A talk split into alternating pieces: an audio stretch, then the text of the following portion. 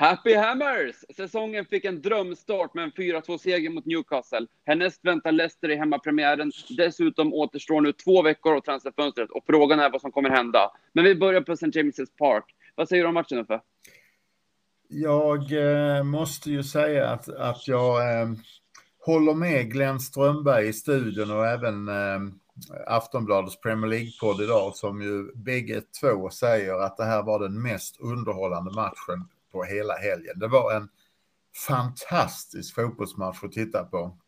Även om humöret gick lite upp och ner, framförallt i, i första halvlek. Eh, andra halvlek var ju en ren njutning och eh, ett West Ham som är så otroligt roliga att se offensivt med så mycket lösningar och idéer och tankar och skapar någonting nästan varje gång är ju otroligt roligt. Sen att vi släpper in två mål som, som vi väl kommer att diskutera där jag tycker att vi är lite tveksamma i, i, i försvaret vid bägge tillfällena. Eh, det får vi väl ta när vi vinner med 4-2, men det var en sanslöst rolig match där jag tycker Benrahma eh, tar plats. Jag tycker Rice andra halvlek är sådär otroligt fantastisk som bara han kan göra. Och Eh, Eh, det är väl bara jag, men jag tyckte man såg på Antonio att det här missar han. Eh, och då kommer Zuzek och ställer till det på rätt sätt. Eh, så att nej, det, jag är oerhört glad och var oerhört upphetsad på ett positivt sätt igår. Även om, och vi kommer in på det på en av frågorna, sonen har gått och härmat mig hela dagen idag och skrikit varför gör han inga byten? Varför gör han inga byten? Men jätteskoj. Ja, det blev fantastiskt. Vilken fart och vilken fläkt. Det är verkligen roligt att se. Vad säger du då Peter? Ja, det var otroligt underhållande som precis som Uffe och eh, de här experterna var, har, har varit inne på. Eh, det var ja, jag, tyckte, jag, tyckte vi var, jag tyckte vi var riktigt bra även i, i första halvlek och eh, vi, även om Newcastle hade lite Eh, här och där och stack upp och sådär. Men eh, trots att vi åker på två sucker punches eh, så reser vi oss upp, vänder och vinner. Det är ju otroligt starkt. Och, och, det, är ju, det är ju precis som vi sa förra säsongen. Jag tyckte igår såg ut exakt som förra säsongen. De här killarna tycker det är kul att spela fotboll, de tycker det är kul att spela på det här viset och de tycker det är kul att spela med varandra. Eh, och, man verkligen ser, det har ju rullat filmer idag på hur de kramas efter matcherna så här, men de, de har kul och det måste man ge till Mois också, att, de, att han har lyckats skapa den här stämningen. Ja, Eh, precis, det, det, det, märks verkligen. Eh, jag satt eh, efter, ja, nu, nu kommer jag inte ihåg exakt när de gjorde andra målet, men var det i 40 eller något sånt där? Något liknande, ja. ja. Och eh, de tog ju tag i bollen och, och, började hålla i den rätt ordentligt där en minut, en och en halv minut innan de gjorde det här 2-1 målet. Kanske vi skulle ha diskuterat de andra målen först, men jag börjar där i alla fall då tänkte jag så, fan det har sett riktigt, riktigt bra ut så här långt. Det här, detta är ju, detta är, är, är bra och sen så gör de mål. Och bara, vad fan, vad händer nu liksom? Men, det låg... men vi reser oss ju upp. Ja, men det låg i luften den där en, en och en halv minut när de ja, hade bollen. Med... Då var det, jag, jag, jag insåg det också under tiden där att ja, det såg väldigt, väldigt bra ut här fram till detta. Det, det här ser inte bra ut. Men, mm. eller rättare sagt, det såg väldigt bra ut för Newcastle just då. Mm, precis. Ska vi börja vid första Från, målet? Ja, det kan vi göra. Det, det jag... Eller redan innan kanske. Ja, vi, hinner, vi, vi hinner inte ta så mycket innan målet. Nej, men vi, vi hade ju lite chanser på hörnor innan där. Men, men... Ja, det är det jag menar. Vi tog ganska bra tag i det faktiskt direkt. Ja. Och sen kom ja. deras och, och, och, det jag är kritisk för till första målet det är ju att eh, San Maximan, han snurrar ju upp Rice och det står härliga till och då, då står Cresswell tre, fyra meter bakom och bara väntar. Han måste ju gå fram och täppa till luckan så att de är två stycken personer som håller honom där. Eh, jag vet inte om ni la märke till det, men det, var det, det är det jag är mest kritisk för där. Ja, jag, jag såg också, eller jag tänkte också på det. Eh, Alltså vi har ju, det är ju tre enskilda eh, händelser, eller fyra då med att, eh, med att Cresswell skulle ha klivit fram. Men Cresswells dykarsko där eh, på, på mottagningen när han tar, ska ta emot bollen och lägger tillbaks den så det blir en superpassning till Saint Maximin eh, är ju inte bra. Eh, och som eh, han fintar upp Rice har man väl nästan aldrig sett Rice bli uppfintad, i alla fall inte de senaste tre säsongerna. Han hamnar, han hamnar liksom hela tiden i obalans. Varje gång ja. Saint Maximin byter sida och, och, och, och viktförflyttar sig själv och bollen, då är Rice på helt fel fot. Japp, och det, det var ju vi inne på. Sen kom redan förra alltså för en, för en vecka sedan sa vi ju spela Maximan så får vi stora problem och det hade vi, det fick vi ju eh, se redan efter då fyra, fyra minuter. Mm. Eh, men sen kom, kom ju inlägget och där är ju inte, eh, är ju inte Dawson på tå riktigt. Eh, och då har vi då 1-0, vilket ju är alltid är ingångsläget i en match när vi spelar mot, eh, mot den forwarden som gjorde det målet. Mm. Ja. Och, och, om vi då ska ta det andra baklängesmålet direkt där. Där tycker jag eh, ännu tydligare att det är Dawson som inte hänger med och, och följer sin markering där. Ja, och så är det någon mer som släpper som inte det är så falskt då som ja, inte riktigt kommer överens om, om vems kille och så det är. Falskt, avvakta bakom, ja. Precis. Ja, men jag tycker det är, det är, är Dawsons kille faktiskt, jag gör det. Ja, återigen är det dålig kommunikation ja. i, i försvaret. Mm. Men det var väl Tofall som tappade bollen i första läget så att situationen överhuvudtaget uppstod, va? Och sen var det väl kanske Dawson som var mer passiv ja, när precis, själva inlägget stod. Upp, eh, petar upp bollen där, precis. Mm. Till eh, Newcastle så de kan bryta den. Det mm. var ju väldigt o, eh, obeslutsamt försvarsspel kan man väl, kan man väl säga. Det skulle ja. ha, det skulle, den, de skulle aldrig ha fått chansen att få den där utan den skulle bara ha rensats väck. Ja. ja. Mm. Men om, om vi hoppar över till den eh, offensiva planhalvan så är vi ju sanslöst bra där som jag var inne på tidigare. Oh ja. Ja, och det är så Peter var inne på i början. Det började nästan direkt med att vi tog tag i det och sen skapade chanser på hörnor så att vi ser att vi fortfarande kan hota där i det mm. avseendet. Ja, och, och, det känns ju nästan eh, när, när vi får en hörna som att det är snarare en farlig frispark än någonting annat för att det, vi skapar ju en riktigt farlig målchans, om inte varje gång så åtminstone varannan, var tredje gång. Ja, det är jätteroligt och eh, det, det är så ovant fortfarande, fast att vi gjorde det hela förra säsongen så, mm. så är man liksom inte... Eh, ja, det, det, det, det är kul. Ja. Eh, jag, jag, jag, vill backa ett steg här för att nu, nu äh, återkommer minnet tydligare och det är första målet jag blamear då så för andra målet är det Fornal som inte följer killen som gör mål. Han släpper honom. Ja, det stämmer för, och det, för det är ju ja. det, han, Sofall är ute på, ute på kanten och försöker avstyra att inlägget kommer. Ja, och, och, och Fornals följer han som gör mål halvvägs, men sen släpper han koncentrationen och honom i sista, sista tiondelarna där. Så det är första målet Cresswell och Dawson som jag blamear där och andra från alls. Ja. Nu blev det ju bättre i andra halvlek, men jag tyckte det var lite oroväckande att vi släppte in båda målen på, hu på huvudet. Alltså att det var två nickar. Det borde vi kunna vara bättre på. Ja, absolut. Ja, det var rent generellt så var det för enkla mål. Men, mm. Eh, men det brukar vi ju vara bra på att släppa in. Ja, och nu gjorde vi ju några med. Ja. Mm. Och det blev väl Cresswell som fick första? Ja, absolut. Ja, annars hade det blivit bortdömt. Ja, precis.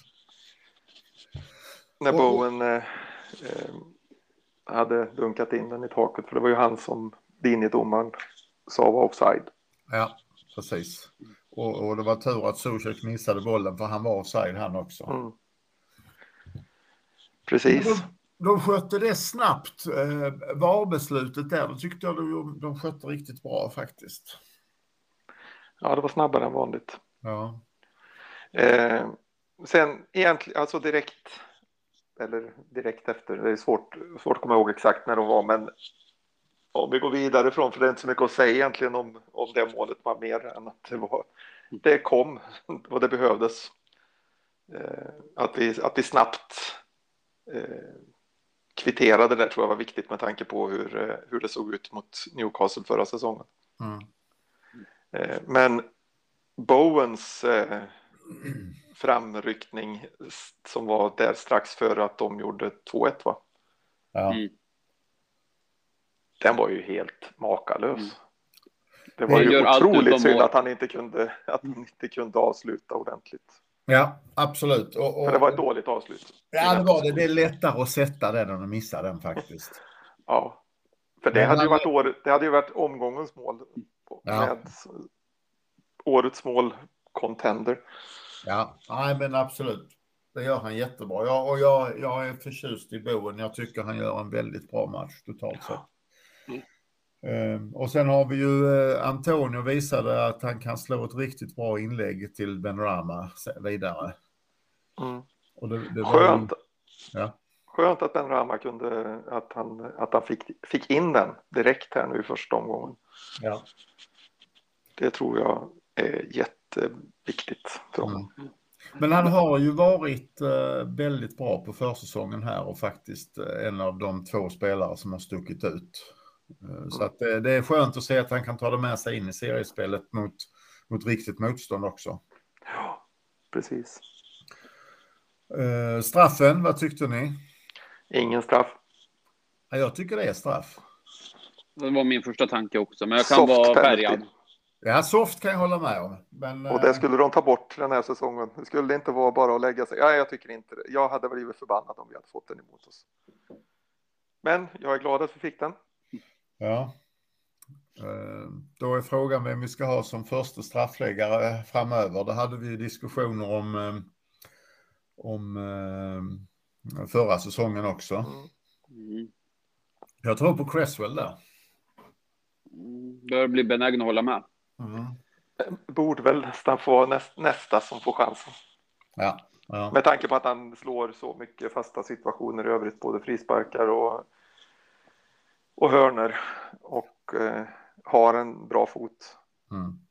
och borde också ha tillräckligt med rutin för att, för att eh, tycka att det går att slå en straff. Absolut. Och så Ja. tänker jag att han kanske inte är riktigt så eh, han kanske är lite coolare än vad exempelvis Antonio är. Mm. Mm. Ja, han borde i alla fall inte fortsätta. Nej. Alltså här, här, det här var ju en typiskt engelsk straff. Eh, inte från de vi såg i EM nu senast, men de som vi har sett i alla andra mästerskap och alla andra straffläggningar som engelska lag har varit med i tidigare. Eh, domaren blåser och nästan innan domaren har blåst klart signalen så springer han mot bollen och skjuter. Mm. Och det har ju varit en av de här sakerna som när man har tittat på vad som är eh, ja, de som har tittat på det mer, mer eh, ja, avhandlingar och sånt där har sett att, eh, att eh, de, då, då är det en större benägenhet att man missar när man har bråttom och får iväg sin straff. Men, men väldigt eh, smart av Zuzek som startar sin löpning två meter utanför straffområdet och därmed kommer klart först. Ja, och perfekt tajmar han ju när, när eh, Antonio slår till bollen. Det är ju precis innan han passerar straffområdeslinjen. Ja. Så det var ju aldrig något snack om att han var för långt inne och sådär. Nej, verkligen inte. Så det var, sen får man ju ge det till, eh, till målvakten. Ni hörde, ni hörde kommentatorn så sa förra året fick han, stod han mot tio straffsparkar och räddade fem. Mm. Han är ju en jävel på det där, för det, det gör man ju inte bara på tur. Nej, precis. Nej, och det får man väl ändå ge Antonio. Det är ingen bra straff så sett, men den är ändå låg och den är ändå så pass hård att han inte klarar av att hålla den. Så att det finns ju, ska man missa så finns det ju sämre straffar att slå. Ja, han kunde ha bränt den genom att dra den över. Det hade ju varit en typisk Antonio. Mm. Ja, får vara glad att han inte gjorde. Men sen, kan vi prata, ja. Men sen kan vi prata lite om upprinnelsen. Det var ju ett fint anfall som ändå ledde till straffen. Ja, det var det. Sköt honom i huvudet. Ja. och pang i stolpen. Ja, det Mm. var... Ja, men det var ett fint anfall, men det finaste anfallet det var ju det som eh, 4-2 målet. Ja, tycker visst. jag. Antonio plockar ner, passar Ben Rama som, som Mm. faktiskt lyckas att slå den där passningen som vi alla ser och han slår den helt perfekt. Och sen blir man ju rädd att Antonio ska dra den upp på Rose men han, han eh, får en, en jävla fin träff och sätter den. Ja, jättebra. Och det var ju också viktigt naturligtvis utifrån att han hade bränt straffen och det här att vi alla vet att eh, när man kan slå rekord och så där så eller börjar närma, närma sig rekord att det kan gå troll i det. Mm. Eh, å andra sidan så har väl Antonio kanske precis ett sånt psyke, det är inte sånt spelar så stor roll utan han, eh, han bara kör, han bara gör ändå. Även Mm. om han har missat fyra lägen så Jo, men så, så det håller jag med dig att, att eh, så är det ju. Och, och, och då, då dominerar vi ju totalt och, och jag ska säga det är inte så att vi backar tillbaka heller utan vi är ju vassa på kontringarna även eh, efter 4-2 målet och det finns väl ingen riktig West Ham-fan som inte sitter övertygad om att vi snart kommer att släppa in ett mål. Och, och det var ju därför som, som eh, jag var så upprörd över att, att, att han inte gör några byten Mois. va. För, för, det första så laget sätter ju sig självt för vi har ju inga andra spelare att sätta in. Och då måste vi väl ta chansen att vila och kanske plocka ut en offensiv pjäs och in med Noble eller Connor Coventry och säkra upp mittfältet eh, eh, ytterligare. Men han väntar till 88 minuten och, och vi, vi hade en fråga på det Jesper. Vem var det som hade ställt den? Det var Anders Elleman. Ja, och, Han, han, nämner att vi gör en väldigt bra insats, underhållande match, precis som vi har varit inne på här. Men just det här att han inte gör byte förrän i 88. Och eh, det Anders Hellman ifrågasätter då är, känner Mois inte förtroende för avbytarna? Han menar också på att de borde ha mycket krafter och kunna jobba hårt sista 10-15 minuterna. Och framför allt det här, eftersom vi nu spelar Europaspel och fler matcher än vanligt, kommer det vara viktigt att spelare i truppen används i spel. Så att inte de, de som startar skadas på grund av överansträngning. Ja, han, han har ju helt rätt. Han har ju helt rätt i allt han skriver. Ehm, och det här, det här diskuterade vi ju många gånger förra säsongen. Jag var ju väl i, uppe i linningen eh, hela hösten i princip, för det var ju inga, blev ju inga byten. Han, han kunde ju spela en sån här match, vi ledde med 4-2, han gjorde ett byte. mm, Ehm, och det, det, men det är ju så han, det är, det är så han gör. Det blev ju lite annorlunda framåt våren. Då gjorde han ju lite byten i... Ja, det kunde ju till och med komma med 25 minuter kvar. så- Sådär. Men det var ju längre, betydligt längre fram på säsongen. mm. Så det blir, lite, det, det blir intressant att se hur han, hur han håller det. Men jag håller helt med.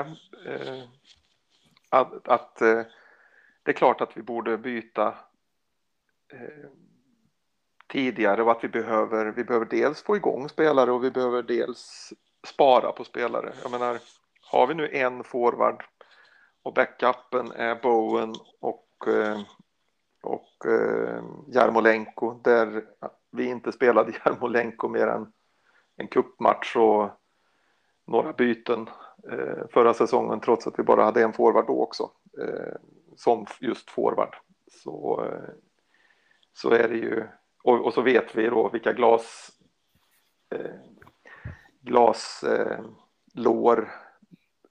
som eh, Antonio har så är det klart att en sån spelare måste vi ju spara på lite grann. Ja, jag tycker han ska bytas ut eh, fortare desto bättre höll jag på att säga. Ja, det och i synnerhet då när vi har två mål upp. Ja, ja. Eh, så eh, men, men totalt sett, eh, skulle jag väl säga, precis som jag sa förut, att det, det var verkligen en fortsättning på det positiva spelet från förra säsongen och vi gjorde ju en väldigt bra match mot Atalanta också, så såg ungefär ut så här. Så att jag eh, ser med tillförsikt fram så länge vi, vi har spelarna hela och vi inte tröttar ut dem för mycket. Ja, men så är det. Ehm, det, det, är ju det är bara att titta på truppen. Vi har ju, den, är ju, den, är ju, den är ju tunn, så det är där vi kommer att... Där har vi ju... Det är där vi måste hålla ihop det, precis som vi lyckades göra förra säsongen. Vi orkade ju trots att Mois inte eh, böt så ofta. Så orkade mm. vi ju. Vi hade ju inte så mycket skador ända fram till våren. Då, ble, då, då blev det ju lite fler. Nu är det som, eh, som Anders frågade här så så eh, ja, frågan är om man har förtroende för så många fler än 13-14 man egentligen. Det, det, det, är väl det som visar sig här framöver.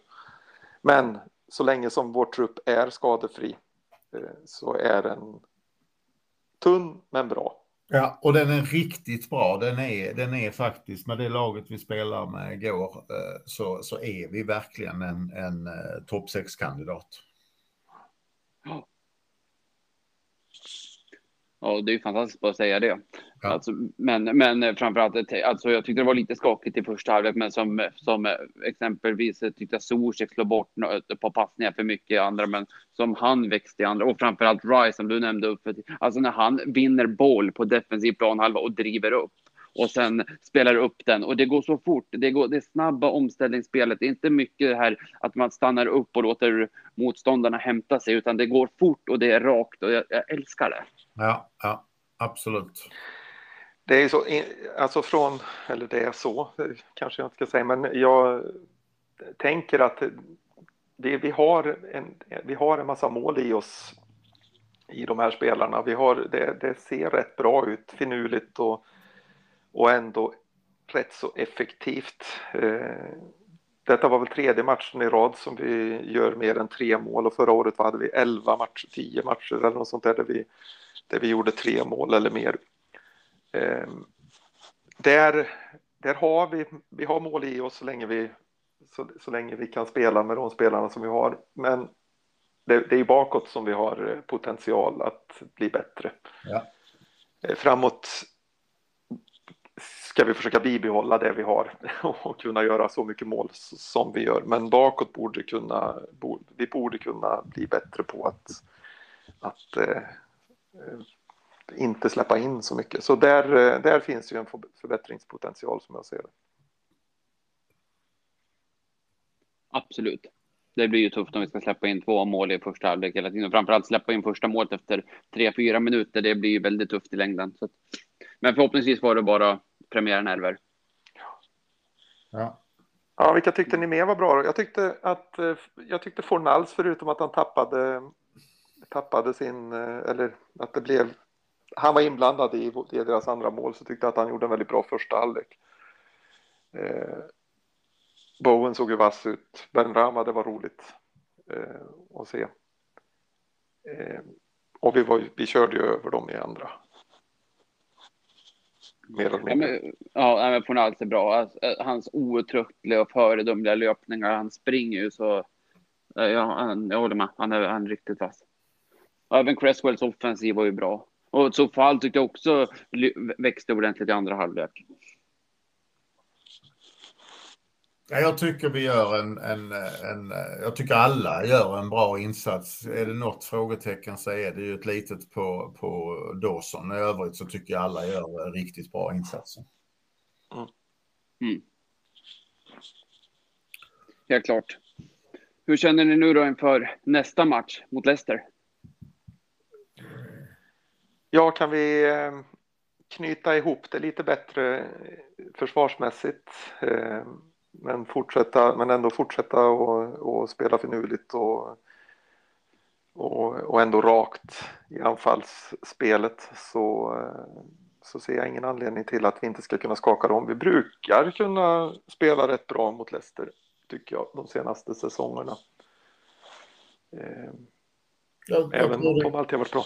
Jag tror det kan bli en väldigt fin match med, med två bra lag eh, som, som i sina bästa stunder kan, kan hota vilka andra som helst och väl de som realistiskt sett är uppstickare eh, eh mot de klassiska topp 6 så var ju det förra året och skulle kunna vara det i år också beroende då som sagt på skador och, och tunn trupp. Men eh, jag tror att det kan bli en väldigt trevlig fotbollsmatch. Sen kan det nog gå hur som helst, men, men vi kommer att se ut ungefär som vi gjorde igår. Det är också som är så skönt med att vi fick den här starten. Nu kan vi gå in egentligen utan riktig press, att säga. Alltså, vi, vi har inte kniven mot strupen, utan vi kan gå in och faktiskt njuta av det och känna att vi har ett bra tillfälle och att det inte är hela världen om det inte skulle gå vägen, för att vi är ändå bra med. Du menar att det är skillnad från förra året när vi mötte dem? Exakt.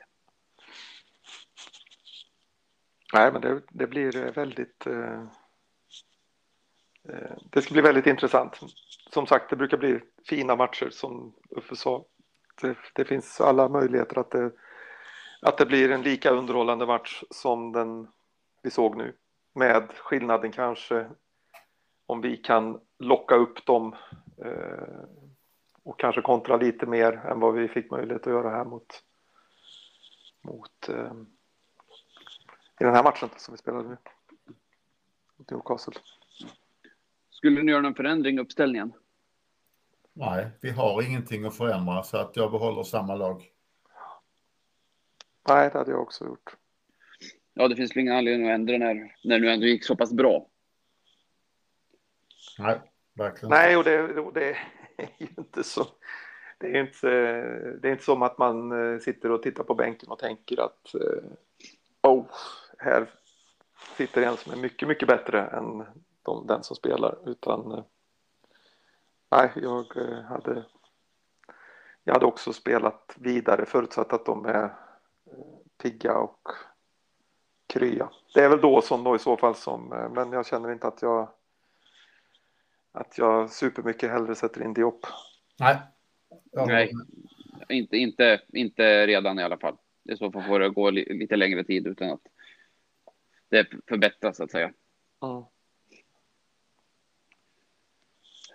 Men eh, som sagt, truppen är fortfarande tunn. Vet vi någonting nytt om läget kring, kring fönstret? Nej, det är ju... Eh, eh, nu tar jag det här helt och hållet ur mitt personliga perspektiv och, och jag upprepar det jag sa förra veckan. Jag kommer inte bedöma fönstret förrän det är slut jag börjar mer och mer luta åt att eh, våra kära ägare avvaktar in i det sista för att det ska finnas klubbar som är lite mer desperata och spara på lönepengar och eller få in eh, transfersummor för spelare som de inte behöver så mycket. Eh, vi behöver ju en mittback eh, och där vet ju alla att det är Milenkovic eller Zuma som har diskuterats och nu verkar, beroende på vilken rapport man läser, så är det den ene mer intressant än den andra och den ena är närmare än den andra och den andra har sagt nej och helt plötsligt har den första också sagt nej. Jag tror att vi kommer att låna en mittback eh, av, eh, av någon i slutändan. Eh, sen har vi forward ett, jag, hade jag haft lite pengar att betta så hade jag sagt att det kommer att sluta med Origi. Jag tror det. Eh, och sen kommer vi att låna ytterligare en eller två spelare för att fylla på truppen och allt kommer att hända under sista veckan slash dagarna. Lingard har ju kommit närmare de sista dagarna förstår jag av, av trovärdiga källor. Ni har väl bägge två sett det här att Premier League idag på sin mm. hemsida råkade lägga ut att Lingard var klar för lån till West Ham för resten av säsongen. Vilket eh, väl troligtvis snarare är en tabbe utifrån att det faktiskt ska ske än att någon har hittat på det och lagt ut det. Eh, och sen Randolphs lilla tweet, om ni, har ni väl också sett, eh, där han skriver att, att eh, vi ser fram emot att se dig på träningsanläggningen igen. Och där han dessutom fyller på senare med att jag får ju inte spela så jag kan ju åtminstone agera agent här. Mm. Du vet att du vill, stod det också. Ja, precis. precis va? Så, att, så att det, det, där är en kombination av vad jag hör, läser och tror själv. En liten sammanfattning. Ja, alltså det, det, det som det har pratats om är ju att det ska finnas 50 miljoner pund. Ja, oavsett om det finns det eller inte så kommer de ju inte räcka till alla de här spelarna så vi måste ju låna. Eller köpa med eh, liten insats till att börja med och, och eh, stora insatser i efterhand. Eh, det måste ju nästan komma till en, eh, en back i och med att man, eh, man ju lånade ut Alves här eh, som ju kanske inte var tänkt att spela i A-laget men det är fortfarande den fjärde mittbacken vi har. Så det är klart att en mittback måste det ju komma in. Ja, och det, och det bekräftade Mojs också. Han, han sa ju det. Definitely kommer vi att, att skaffa en till. Jag, jag, jag, tror att det kommer totalt sett komma in tre spelare till. Och sen behöver vi ju, ja, sen har det ju faktiskt dykt upp lite mittfältare här på slutet igen efter att ha varit väldigt tyst om dem. Eh, I ryktesfloran. Sen är det ju så att det är svårt att, det är svårt att sortera riktigt. Men, eh, men det börjar dyka upp lite grann. Däremot så tycker jag det är väldigt tyst om forwards. Och det var ju vad han sa också då, eh, Mois, att eh, jag kan inte garantera att någon forward kommer. Ja, såvida man inte såvida man inte räknar Lingard då, men jag tänker då en nummer nio. Mm. Precis. Ja, vi får hoppas på det bästa. Jag håller med dig. Jag tänker också att det måste komma här mot slutet eh, av fönstret och det måste förutsatt att vi har pengar överhuvudtaget så, så måste det dyka upp eh, sådana som faktiskt måste bli av med spelare här när det närmar sig slutet och framförallt om man är på alerten i de ligor som inte är, är Premier League utan utan eh, The Championship eller ännu hellre Frankrike och Spanien och Italien där, eh, där Corona har ja, de, ställ, de, de ligger helt enkelt som har sämre tv-avtal. Ja, och jag, och jag är trygg i att de här 50 miljonerna finns. Så att det, vi ska bara hitta rätt spelare.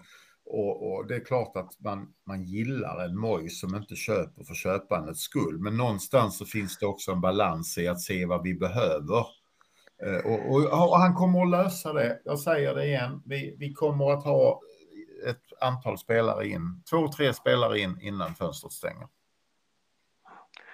Ja, vi skulle behöva de här tre. Eh, men jag håller med dig. Får man tre stycken starka eh, förstärkningar eh, så kan vi bara jämföra med vad vi, vad vi skaffade förra gången vi skulle på Europa-äventyr. Då visste vi att vi, skulle, att vi behövde ha en bredare trupp och de spred ut pengarna på allsköns skit skulle jag säga. Alltså det var ju den ene sämre än den andra i efterhand. Eh, det, det, det, var ingen, det var, det, det, var liksom inte, året innan hade man gjort ett ganska bra transferfönster om inte jag minns fel, där flera spelare hade gått och gjort bra ifrån sig. Ja, det hade, eh, men sen kom den här när vi köpte, jag vet inte om det var nio spelare eller något sånt där och det är väl var väl ingen av dem egentligen som, som slog Töre och Sasa och allt vad de heter. Ja. Så att eh, kan vi bara få till och Mois faktiskt lyckas, eh, lyckas med det här och, och få till tre stycken eh, som är med och, och, rikt, och tävlar om en plats i, i A-laget. Precis som han har gjort med de sista vändningarna han har gjort då, eh, då ser det rätt så bra ut faktiskt. Även om det fortfarande är en smal trupp så är det, är det ju så han vill ha det.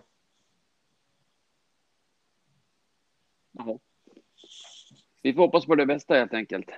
Det ja, ju... det blir ett par spännande veckor. Ja, men believe in boys. Japp, absolut. Ja. Då går vi in och tar lite frågor nu då. Vi har eh, Vilgot Gunnarsson som, apropå det vi precis har pratat om, men eh, han är inte alls eh, speciellt orolig över en ersättare till Antonio just nu. Han menar på att Jarmolenko och Bowen finns ju som skulle kunna vara alternativ som en nia. Framförallt eftersom Jarmolenko var väldigt bra under EM. Det är kanske inte en långsiktig lösning, säger Vilgot, men, men om Moise inte hittar en striker som ändå kan konkurrera eller som är ersättningsbar så kanske det är bättre att avvakta än att stressa fram en värvning. Precis som vi nyss var inne på. Sasa och Fegoli var inte alls bra när det var sist vi skulle ut i Europa. Hur tänker ni kring det? Jag, jag är oerhört avundsjuk på Vilgot att han är så, så positiv som han är för att eh, jag, jag förstår inte ens hur vi klarade av våren utan en forward till. Om det så är en, en, en ung eh, Sima från Tjeckien eller vem det är. Vi måste ha någon som är en utpräglad eh, fostrad forward att kunna sätta in och spela runt eh, med de duktiga spelarna vi har om och när Antonio blir skadad. Ja, och eftersom man såg under förra säsongen att eh, Mois inte riktigt delade uppfattningen om att Jarmolenko var ett riktigt alternativ som forward. Jag förespråkade ju det under hela tiden som jag sa att eh, Allaire borde skeppas snarast, eller bänkas snarast var det väl jag sa egentligen. Jag sa väl inte så mycket om försäljning kanske, för den bara hände ju plötsligt. Men eh, eh, och att man skulle fråga eller skulle, skulle testa Jarmolenko. Eh, det kunde ju åtminstone inte bli sämre, men där ville ju inte uppenbarligen eh, Mois göra det av någon anledning. Och eh, nu har han ju varit inne och spelat, nu spelade han ju två minuter här i, igår som forward när de, han fick väl två minuter som högerytter och sen två minuter som forward i den här matchen. Men det känns ju inte riktigt som att han litar på honom. Däremot så har han ju, så har han ju spelat eh, Bowen där. Och jag kan väl kanske tycka att Bowen är lite liten för att eh, för att, för att ta den rollen. Då får man spela ett lite annorlunda spel. Eh, och det kan ju vara okej okay det också naturligtvis, men eh, vi, vi, får lite svårare att hålla fast bollen när vi har någon som kan ersätta Antonio. Så att jag tror nog att vi behöver ha in den här. Vi har ändå haft, vad är det nu, åtta, nio månader på oss. Och, åtta månader i alla fall på oss och, och, och scouta fram en, en lämplig kandidat. Men eh, än så länge har vi gått bet. Men jag är också imponerad av eh, Vilgots eh, optimism och eh, eh tålamod kanske. Mm. Jo, men det är beundransvärt. Nej, men jag kan ju tänka så här, vi gjorde ju några bra matcher även utan Antonio förra säsongen, men det märks ju dels vilken skillnad det är när Antonio sen kom tillbaka och sen det här att spela utan renodlad striker. Jag skulle säga att det, funkar på kort sikt, men inte i längden. Ja, och en, en, en riktig bristning i baksidan på, på låret på Antonio så är han ju borta i sex veckor och då kanske vi har haft eh, åtta matcher på, på den tiden. Eh, det är klart att det, att det blir jättetufft. Ja. ja. Men en bra fråga i alla fall av Vilgot och eh, tack för det. Jag håller, och jag håller ju med honom att, eh, att eh, man, man måste hitta rätt spelare, så, så är det, det är ju grunden. Men jag tycker att vi har haft så lång tid på oss så borde vi nu kunna plocka fram rätt spelare faktiskt. Även om det är en yngre spelare. Ja, men, ja, men om vi, lika väl som inte tar in någon alls kan vi väl chansa på en Abdallah Sima eller en Adam Losek som jag har tjatat om länge nu. Alltså, ja, om de är, då får de ju, chansningar får ju inte vara hur dyra som helst då naturligtvis. Nej, nej, nej, naturligtvis nej. inte. Och här är ju, här är frågan, eh, vi pratar då en, en ersättare, vi, vi, pratar ju om Anton, jag tror inte att vi kommer att värva en person, en spelare som går in före Antonio, utan vi kommer ju vi, vi kommer nog att värva en som går in istället för Antonio när Antonio inte, inte kan spela eller man behöver vila och så där. Det är den nivån vi ska och då frågan vad är taket på en sån spelare? Alltså vad är taket för vad man kan betala för en sån spelare? Och det är väl där kanske som som eh, Mois ställer frågorna också. Och, och, naturligtvis är det ju så här, om vi inte hittar någon forward att köpa, då är det en forward som vi kommer att låna. Så enkelt är det, även om det är någon brasilianare vi aldrig hört talas om. Men vi kommer att låna in en forward de sista eh, två dagarna. Mm. Ja, så borde det, så, så, så eh, borde det bli. För det är klart, hade vi satsat 35 miljoner pund på, på Abraham från, eh, så skulle ju det vara för att han skulle spela från början, eller från, då ska ju han spela istället för, för Antonio och det vet jag inte. Eh, ja. Nu blir det ingen Abraham i alla fall. Är han klar för Roma? Alltså, nej, det är han väl inte. Kanske. Det är väl eh, det, det, kanske bara är på samma sätt som Milenkovic har varit klar för West Ham i tre veckor. Ja, ja, alltså inte riktigt klart. Jag, jag eh, har inte sett eh, någon slutgiltig.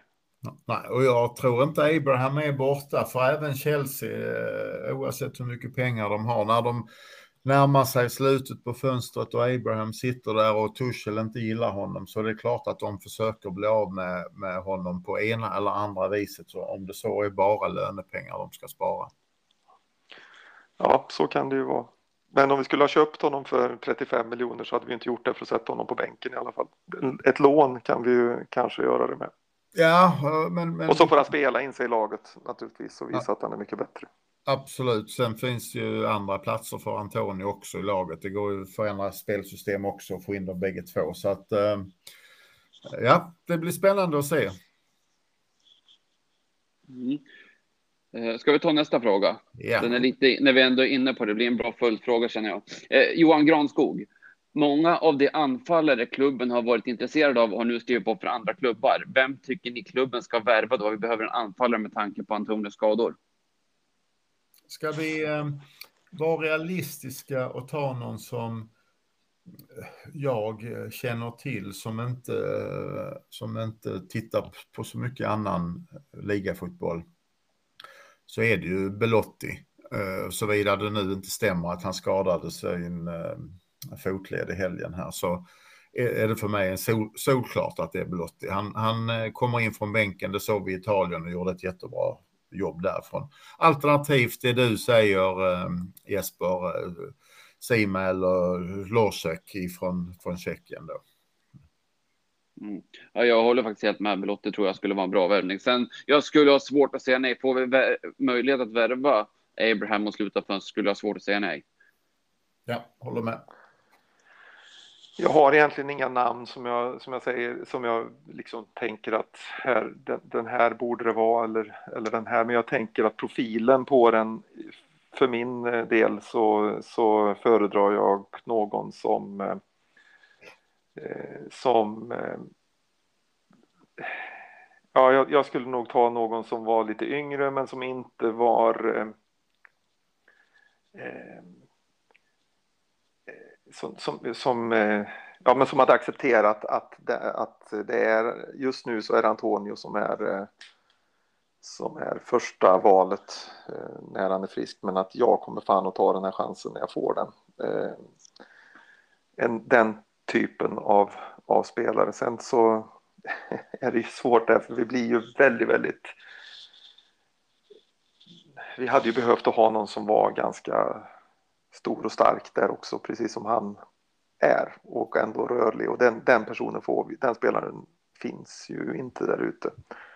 Så vitt jag kan se. Ja, men jag tycker inte Belotti är så långt ifrån det faktiskt. Nej, det är möjligt, men då tänker jag att som italiensk landslagsman kommer han verkligen till West Ham och accepterar att han ska spela på en andra fiol. Eh, Ja, men jag tror att han har kommit så långt i karriären att han faktiskt inser att han är inte på översta hyllan.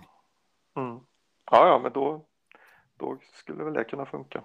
Ja. Men annars så tror jag mer på en, eh, på en lite yngre av modellen eh, tjeckerna som ni nämnde då.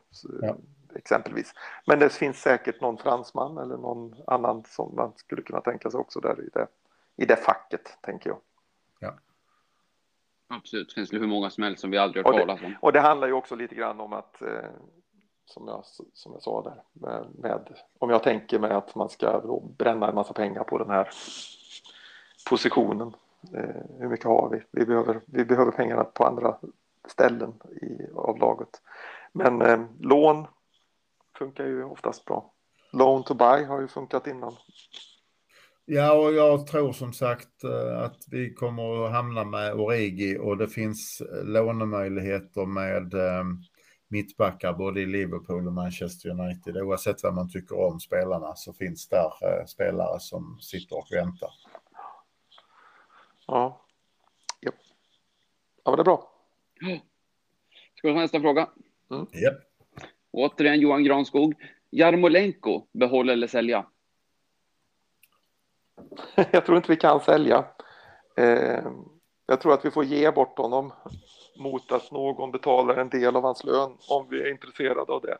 Jag tror att det är inte aktuellt så länge som vi inte har fått in Lingard eh, eller någon annan då offensiv mittfältare. Skulle det hända så skulle det kunna bli aktuellt om man tycker att det är värt Eh, att bli av med just den delen av löneposten.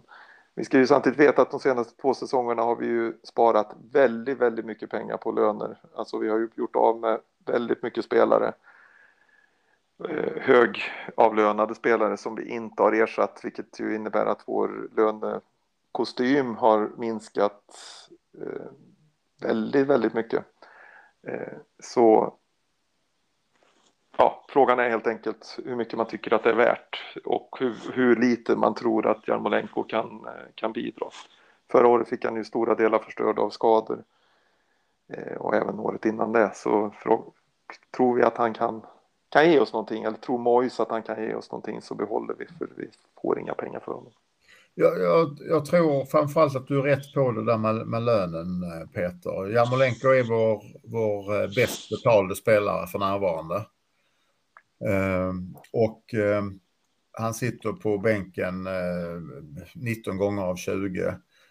Ehm, vi behöver honom ur ett säg, fylla ut truppen perspektiv. Han är ju fortfarande spelare som kan gå in i Europa League eller ligacupen eller FA-cupen och, och göra ett, ett hyfsat jobb.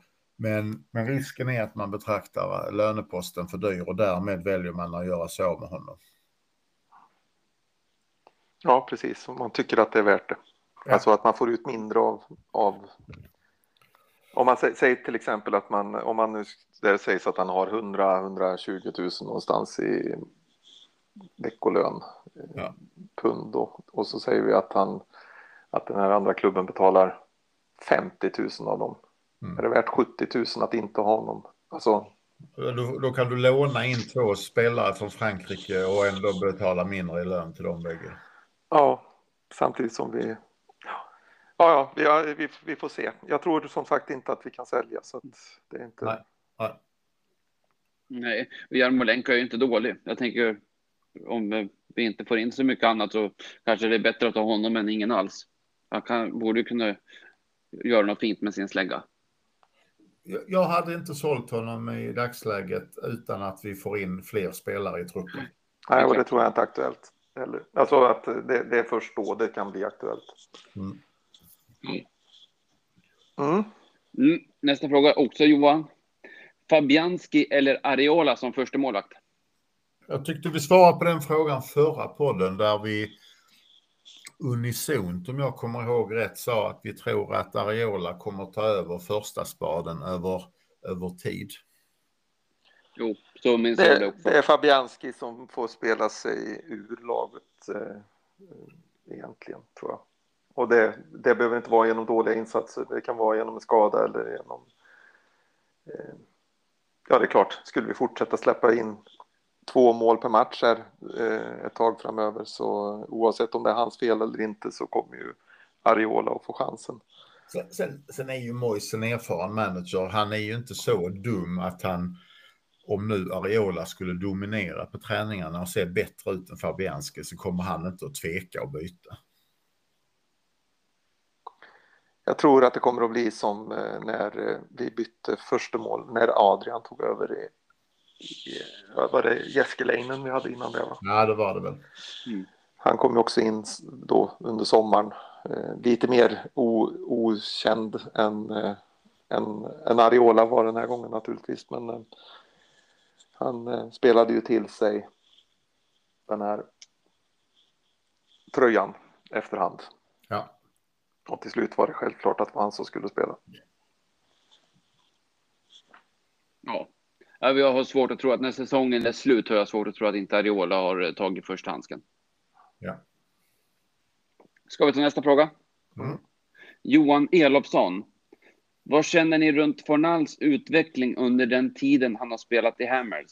Jag tycker han har förändrat sitt spelsätt från att vara en teknisk lirare och inte så hårt jobbande spelare till att bli en funktionellt bra spelare som jobbar hårt och använder sin teknik i rätt läge. Tycker även hans spelförståelse har utvecklats mycket. Vad tänker ni om detta? Ja, men så är det ju. Han har, han, han har ju gått han hade jättesvårt att anpassa sig till Premier League i början. Man såg att det fanns en spelare där som, som kunde, men han var lite för långsam, lite för långsam i tanken, i steget och i eh, ja, hela, hela sättet om man säger när, när han fick chansen från början. Även om man kunde se att, att någonting finns här och han försökte. Han har ju jobbat stenhårt och verkligen tagit chansen Eh, mer och mer när han har fått den och nu är han ju rätt självklar i, i laget skulle jag, skulle jag säga. Eh, han har fattat vad som krävs för att spela i Premier League. Han har blivit kvickare i både, ja kanske inte på, på 10 meter eller 20 meter om man alltså, tänker så, men som fotbollsspelare eh, kvickare, rappare i tanken och, och sådär. Nu tycker jag att han, att han på ett helt annat sätt behärskar eh, den fotboll som spelas i, i England. Stora steg. Ja, och jag vet inte hur många gånger eh, förra säsongen jag och vi hyllade honom och kallade honom för maratonlöpare. Jag, jag, eh, han täcker ytor, han gör ett jobb över så stor del av planen där det inte ens, ens är hans egen position. Eh, och han är en klassisk eh, vattenbärare i laget och jag tror att de andra spelarna uppskattar hans arbete oerhört mycket. Och sen också som vi har varit inne på tidigare, det finns ju ingen som blir så överlycklig när vi gör mål eller vinner eller gör någonting bra som Fornal som bara ser ut att må bra och, och, och ler hela tiden. Ja, visst. En viktig pjäs för oss. Verkligen. Och helt klart. Och sen känns det som att han är fortfarande ganska ung och han har ju, alltså det känns som att blir han lite mer distinkt så, och förbättrar sin mm. avslut lite och så där kan han bli väldigt komplett som fotbollsspelare.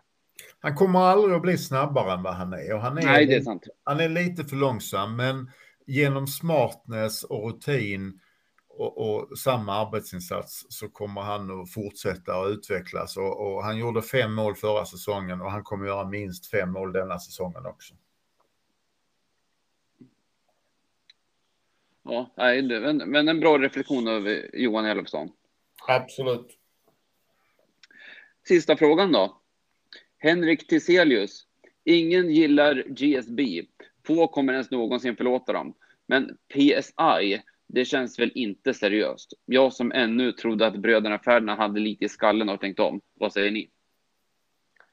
Ska jag ta den där då? För jag, ja, gärna.